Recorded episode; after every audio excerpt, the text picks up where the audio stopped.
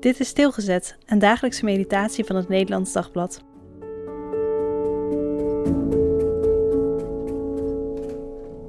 Ook Benjamin. 2 Samuel 3 vers 19 Abner sprak ook met de Benjaminieten. Daarna ging hij naar Hebron om David mee te delen wat de Israëlieten en ook de stam Benjamin hadden besloten. Als je met de leiders van Israël praat over een ommezwaai, zodat ze voortaan David erkennen, dan krijg je de meeste tegenstand van Benjamin. Logisch. Benjamin heeft heel wat te verliezen. Saul was hun stamgenoot, hun koning. Talloze families binnen de stam waren op de een of andere manier aan hem verbonden door hoge posities aan het hof. Jarenlang was Benjamin het centrum van Israël.